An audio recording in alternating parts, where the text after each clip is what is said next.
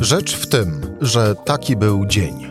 Cezary Szymanek, zapraszam na codzienny podcast Rzeczpospolitej. Czwartek, 10 czerwca. Mecz otwarcia ze Słowacją, mecz o wszystko z Hiszpanią, mecz o honor ze Szwecją, czyli Euro 2020. W 2021 roku czas zacząć. O turnieju wie wszystko Stefan Szczepłek. Rzecz w tym, że zapraszam Cezary Szymanek. Słuchaj na stronie podcasty.rp.pl. Włącz Rzecz w tym w serwisie streamingowym. I moim gościem Stefan Szczepłek, dziennikarz działu sportowego Rzeczpospolitej, legenda dziennikarstwa e, sportowego i na tym e, poprzestanę, jeżeli chodzi o przedstawienie. Stefan, dzień dobry. Dzień dobry, no, no tak, to ja też poprzestanę. na pewno na koniec będę to chcę, chciałbym, żebyś przygotował się już mentalnie, ale na koniec naszej rozmowy będę chciał, e, żebyś e, zaintonował e, taki okrzyk komentatorski, e, gdy Polacy zdobędą gola, ale to na sam koniec. Natomiast e, na, na początek, e, no, złośliwi mówią, odwołując się do tego, o czym mówiłem na początku, złośliwi mówią, że mecz o wszystko to nie będzie ten mecz z Hiszpanią, a już ten pierwszy mecz ze Słowacją, jeżeli chodzi o polską reprezentację? No, przedstawiłeś taką wizję dość pesymistyczną. Aczkolwiek no, ona się sprawdza dosyć często. Ona jest oparta na logice, powiedziałbym, i na historii, niestety. E, no, ale tak, rzeczywiście ten pierwszy mecz ma ogromne znaczenie. Zawsze pierwsze mecze na tego typu turniejach mają największe znaczenie, dlatego że tu nie chodzi tylko o zdobycie trzech punktów i spokojną głowę, ale właśnie o tą spokojną głowę bardziej, bo jeśli zdobędziemy trzy punkty, ok, jedziemy dalej, o nic się nie martwimy. Zwycięstwo oznacza to, że trener dokonał dobrego wyboru, już tam wtedy się nie liczy styl, nic takiego, wygraliśmy, jest ok. Tak było 4 lata temu, 5, 5 lat temu we Francji. Wygraliśmy pierwszy mecz z Irlandią Północną i potem już poszło.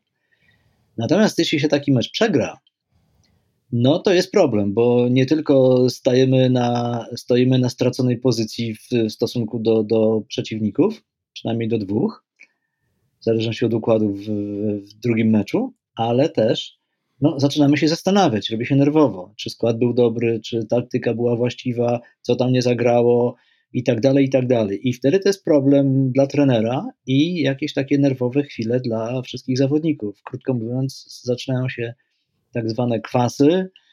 Dziennikarze nie pomagają na ogół w takich przypadkach. Teraz piłkarze czytają wszystko, co się o nich napisze, nie wychodząc z hotelu, no bo wystarczy, że sięgną do internetu. Czyli do no, telefonu. I nie, I nie jest fajnie. I nie jest fajnie. Więc tak mm. naprawdę rzeczywiście ten pierwszy mecz ma ogromne znaczenie, ale też dla mm, jakiegoś tam pocieszenia, powiedziałbym, e, no każdy ma tego typu problem. Każda drużyna, dla każdej drużyny pierwszy mecz będzie, będzie meczem kluczowym. E, to zanim o szansach, to i jak może ten turniej w naszym wykonaniu e, wyglądać, to Stefan, porozmawiajmy o mocnych i słabych stronach naszej reprezentacji. E, trzy mocne strony. Zacznijmy od tych dobrych rzeczy naszej reprezentacji pod kierownictwem Paulo Souzy. Robert Lewandowski. Robert Lewandowski i Robert Lewandowski. No, i wyczerpaliśmy temat. Więc tak naprawdę to rzeczywiście Robert Lewandowski, no ale Robert Lewandowski nie gra sam, więc yy, ktoś mu musi pomóc, a, a, a, czasami ktoś mu tam pomaga. No, no, już nie przesadzajmy. To, jest, to nie jest najgorsza reprezentacja Europy, nie jest też najlepsza, my gdzieś jesteśmy w środku i też e, radziłby w ten, radziłbym w ten sposób podchodzić do, do tego turnieju. No dobrze, ale to Stefan, tak, w takim razie dobrze. Tą pierwszą mocną stroną to jest sam e, Robert Lewandowski. Druga mocna strona, w czym jesteśmy dobrzy, bądź y, które nazwisko może aspirować do takiego tytułu, że to jest nasza mocna strona? No to tak, mamy mm, poza Lewandowskim mamy obydwu bramkarzy dobrych, czyli i, i Wojciecha Szczęsnego i Łukasza Fabiańskiego. Yy, Grzegorz Krychowiak nie schodzi poniżej przyzwoitego poziomu. Mm, Kamil Glik ewentualnie. Yy, Piotr Zieliński to jest nasza wieczna nadzieja, czyli ogromne możliwości i, i gra zazwyczaj poniżej yy, naszych oczekiwań. I tak naprawdę to jest wszystko, bo po pierwsze, my za bardzo nie znamy innych zawodników pozostałych, którzy będą grali. Znaczy, z wyjątkiem y, tych oczywiście, o których dobrze wiemy, że są piłkarzami przeciętnymi, no i nie, nie, nie, nie przeskoczą pewnego poziomu. Natomiast no, jest tutaj kilku piłkarzy, mm, albo e, takich, którzy, którzy rzadko do tej pory grywali, albo całkowitych debiutantów, na których zresztą Paulo Sousa stawia i oni się tak no, raz lepiej, raz gorzej sprawują ale trudno na tej podstawie y, wyrabiać sobie jakąś, jakiś optymizm. Takich, takich debiutantów jest aż sześciu. No dobrze, to teraz płynnie w takim razie przejdźmy do, mm, do tych słabszych y, stron. Czy właśnie, czy sześciu debiutantów y, w składzie reprezentacji powołanej przez Paolo Souza to jest, nie mówię o nazwiskach, mówię o liczebności owej grupy, to można to zaliczyć do słabej strony naszej reprezentacji? Nie, nie, nie, nie. Ja mówiąc o tym, że to są debiutanci, miałem na myśli to, że oni dopiero zaczynają. Nie, nie wiemy jeszcze, na co ich tak naprawdę stać. Y, będą się sprawdzać w wielkim turnieju, a to jest zawsze dodatkowe obciążenie, więc to ich, dla, nich, dla nich jest i, i jakiś tam stres, ale jednocześnie szansa. Y, bardzo często się zdarzało w przeszłości, że y, piłkarza kreował wielki turniej właśnie. Nie, nie dotyczy to tylko Polski, że ktoś tam zaistniał na turnieju, czy nawet nie zaistniał, ale przed czterema laty mieliśmy taki przypadek, przed pięcioma ciągle się zapominam. Przed pięcioma. Michała, Michała Pazdana, który, mm, który w Legii był zawodnikiem bardzo, bardzo przeciętnym i sam się osobiście dziwiłem, a nie byłem w tym odosobniony, że go Adam Nawałka powołał, po czym on y, rozegrał turniej życia, został nawet nazwany ministrem obrony narodowej, jak pamiętamy, bo grał rzeczywiście świetnie. I, i mamy, krótko mówiąc, przypadek piłkarza, który już nie był najmłodszy e, i który e, potrafił się odpowiednio przygotować na najważniejszy turniej życia. I to zrobił. Ale to jest przypadek. Znaczy, przypadek. To, to, to, to są takich przypadków, może tak, mamy niewiele. E, inni się spalają na takich turniejach, więc nie wiemy, naprawdę nie wiemy. Poza tym, no, tu jest pewien problem innego rodzaju. Jednak no, trener cały czas poznaje tę drużynę. On do tej pory prowadził ją w pięciu meczach i nie wiem, czy pamiętasz, ile z tych meczów wygraliśmy. Jeden. Jeden i to z Andorrą. Więc no to jest troszeczkę takie mało budujące. W tych pięciu meczach on sprawdził 30 zawodników, ale tylko dwóch grało we wszystkich pięciu. I żaden w pełnym wymiarze 90 minut. E, e, tylko e, Jóźwiak i, i Krychowiak. No i tak naprawdę my y, y, czekamy na mecz ze Słowacją, nie wiedząc, w jakim składzie wybiegnie reprezentacja Polski. No dobrze, to w takim razie, y, bo próbuję właśnie to jakoś to uporządko, uporządkować. To mm, bardzo krótka znajomość trenera Souzy z naszymi piłkarzami, to jest właśnie ta, powiedzmy, pierwsza słaba strona? No tak, to jest pewnego rodzaju słabość niewątpliwie. Dobrze, druga słaba, druga, druga słaba strona, no to ja bym powiedział, że obrona w naszej reprezentacji. No generalnie niestabilność składu i ona wynika w dużym stopniu z, z, tej pierwszej, y, y, z pierwszego powodu, to znaczy, ponieważ Turner nie zna drużyny, no to stara się ją poznać w ekspresowym tempie i powołuje ciągle nowych zawodników i ciągle nowych sprawdza. W związku z tym nie możemy mówić o stabilności. I obrona jest tutaj no właściwie no, klasycznym przykładem takiego postępowania. Więc to na pewno, no jeśli obrona jest niestabilna, a to jest podstawa każdej, każdej jedenastki, no to jak mają się czuć ci, ci którzy tam grają z przodu, pom pomocnicy na No to i, i to nawet Szczęsny i Fabiański, gdyby nawet razem stali nie, no tak, tak. nie pomogą. Tak e, co jeszcze może nam e, w tym, e, w dobrym nastroju kibiców, co może jeszcze przeszkodzić? Wymieniliśmy dwie rzeczy, wskaż jeszcze jedną. Hmm. Znaczy to jest to jest y, związek wielu, wielu takich rzeczy, tak bym to określił, no bo e, mieliśmy nadzieję, że ta reprezentacja będzie nie tylko wygrywać, ale też grać ładniej niż, niż wcześniej się mówiło, a tam reprezentacja Brzęczka to wygrywa, ale, ale, ale zęby bolą, jak się na nich patrzy.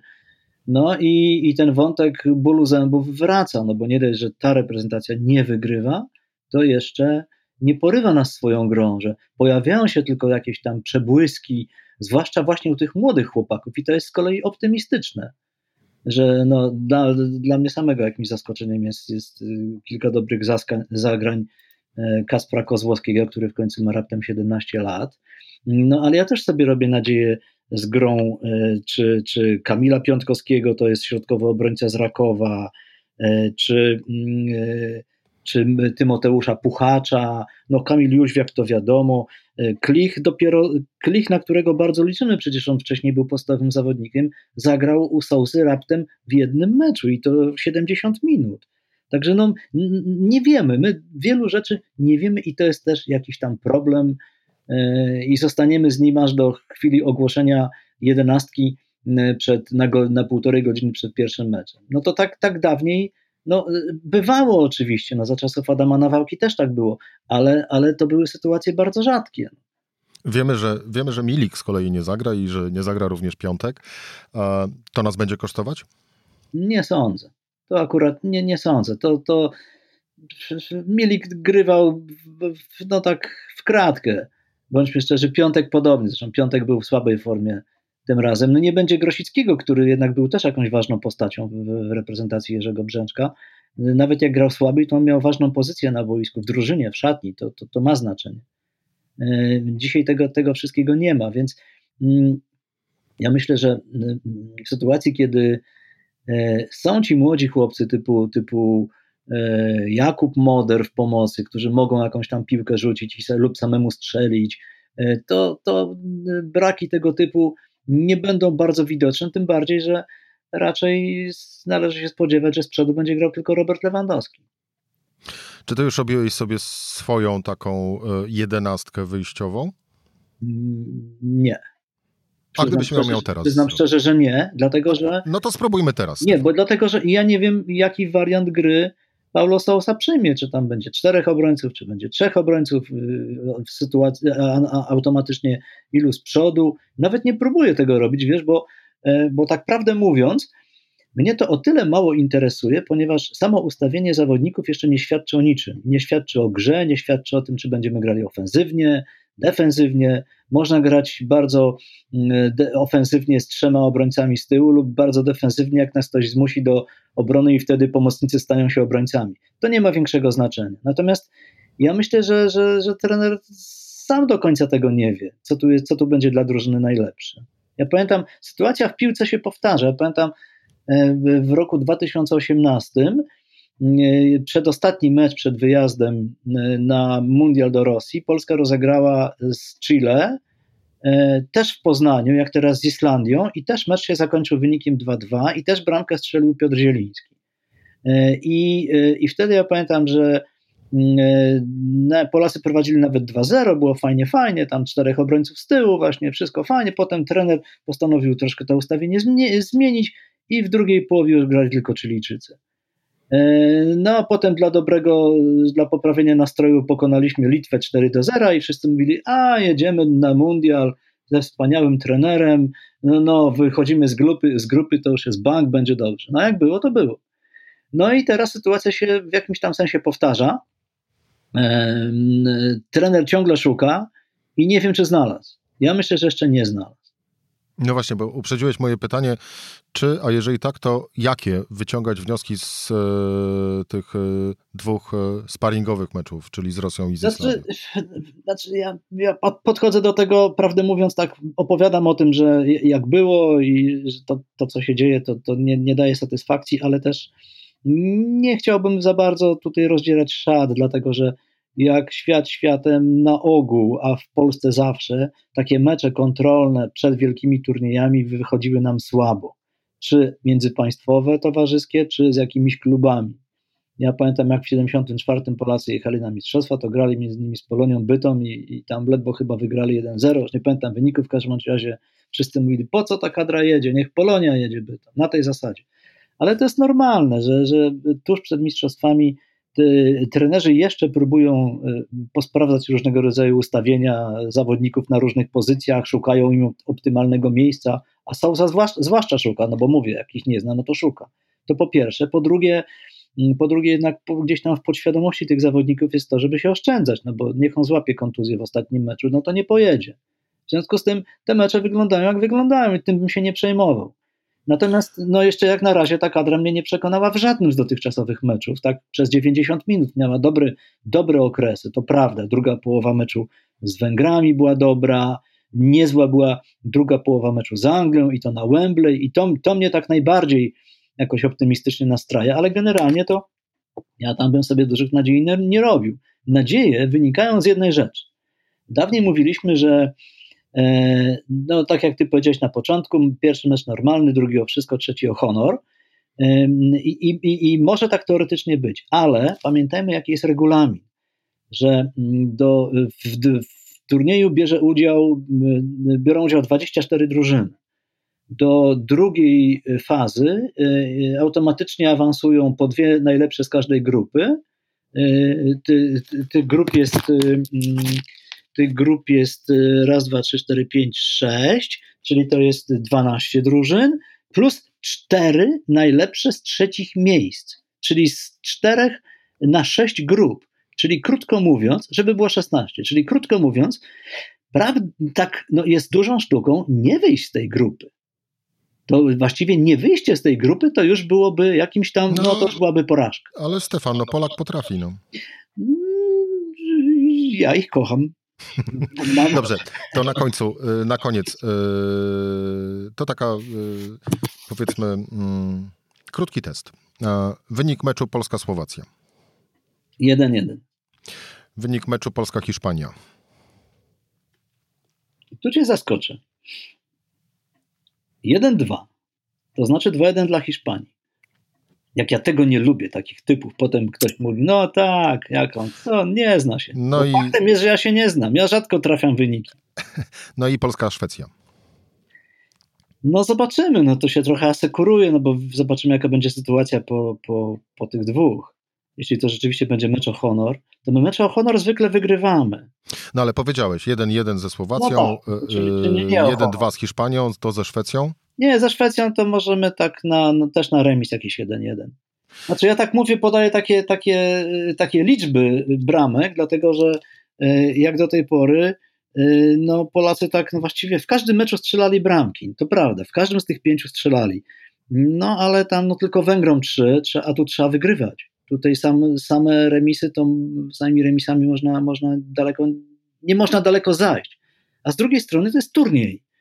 W każdym turnieju, każdy turniej ma, ma swoją specyfikę i jak się dobrze rozłoży siły i, i obierze taktykę, to można zdobyć mistrzostwo, tak jak Grecja w 2004 roku, chociaż już w czasie samego turnieju widać było, że ta drużyna nic nie wniesie do historii futbolu, a wygrała. Wygrała i to nawet na terenie Portugalii dwa razy z Portugalią w meczu otwarcia i w finale. No to coś niezwykłego.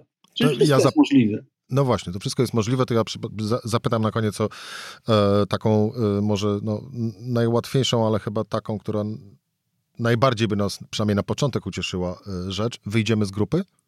Tak. Gdybyśmy nie weszli z grupy, to byłaby porażka.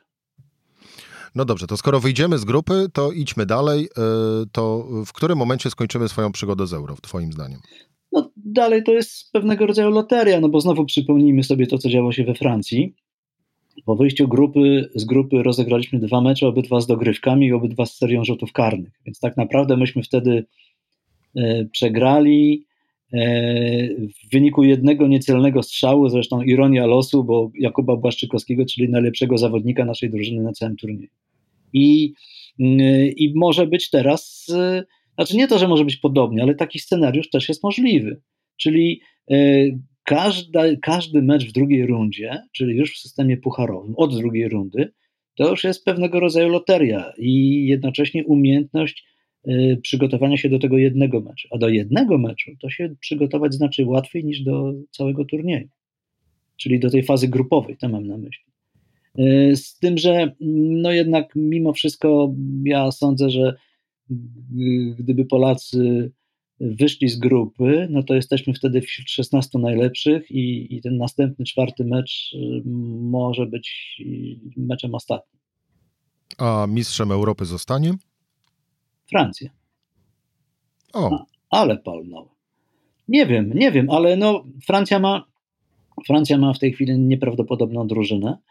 No jak no faworyci są jak zwykle ci sami, no to jest, to, to jest Francja, to są Włochy, Niemcy słabi to jest zawsze drużyna turniejowa też, oni to potrafią, więc oni też są, też są groźni. Mm, e, jakoś, jakoś nie wierzę w Anglię. No Hiszpanię mamy jeszcze przecież, nie zapominajmy. No ale tam z kolei koronawirus. Są, są Belgowie, no, są Chorwaci, no, którzy troszkę tam po tym wicemistrzostwie świata troszeczkę usiedli.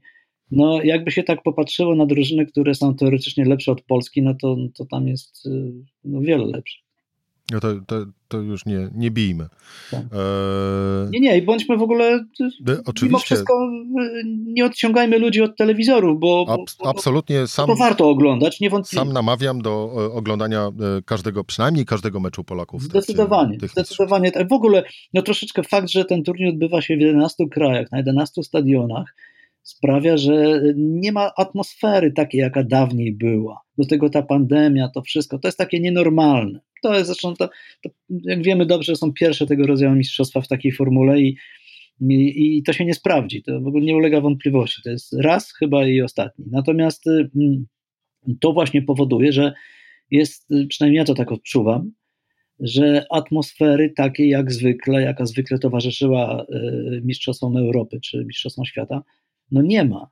Nie ma tego czegoś takiego. Miejmy nadzieję, że y, w kolejnych już wszystko y, wróci na. Tym bardziej, że jeśli atmosfera. Porządek. Jeszcze coś innego, że atmosfera może się zacząć w momencie, kiedy Polska rzeczywiście wygra ten pierwszy mecz y, w, dobrej, w dobrym stylu. Od razu będzie inne zainteresowanie. To jestem przekonany. Tylko musi wygrać. No i za to trzymajmy kciuki. Stefan Szczepłek, dziennikarz działu sportowego y, w Rzeczpospolitej, y, legenda dziennikarstwa sportowego.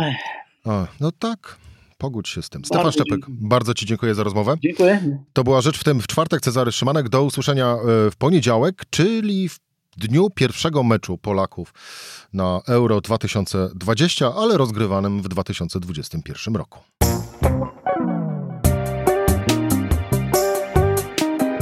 Rzecz w tym to codzienny program Rzeczpospolitej. Od poniedziałku do czwartku o godzinie 17. Słuchaj na stronie podcasty.rp.pl. Włącz Rzecz w tym w serwisie streamingowym.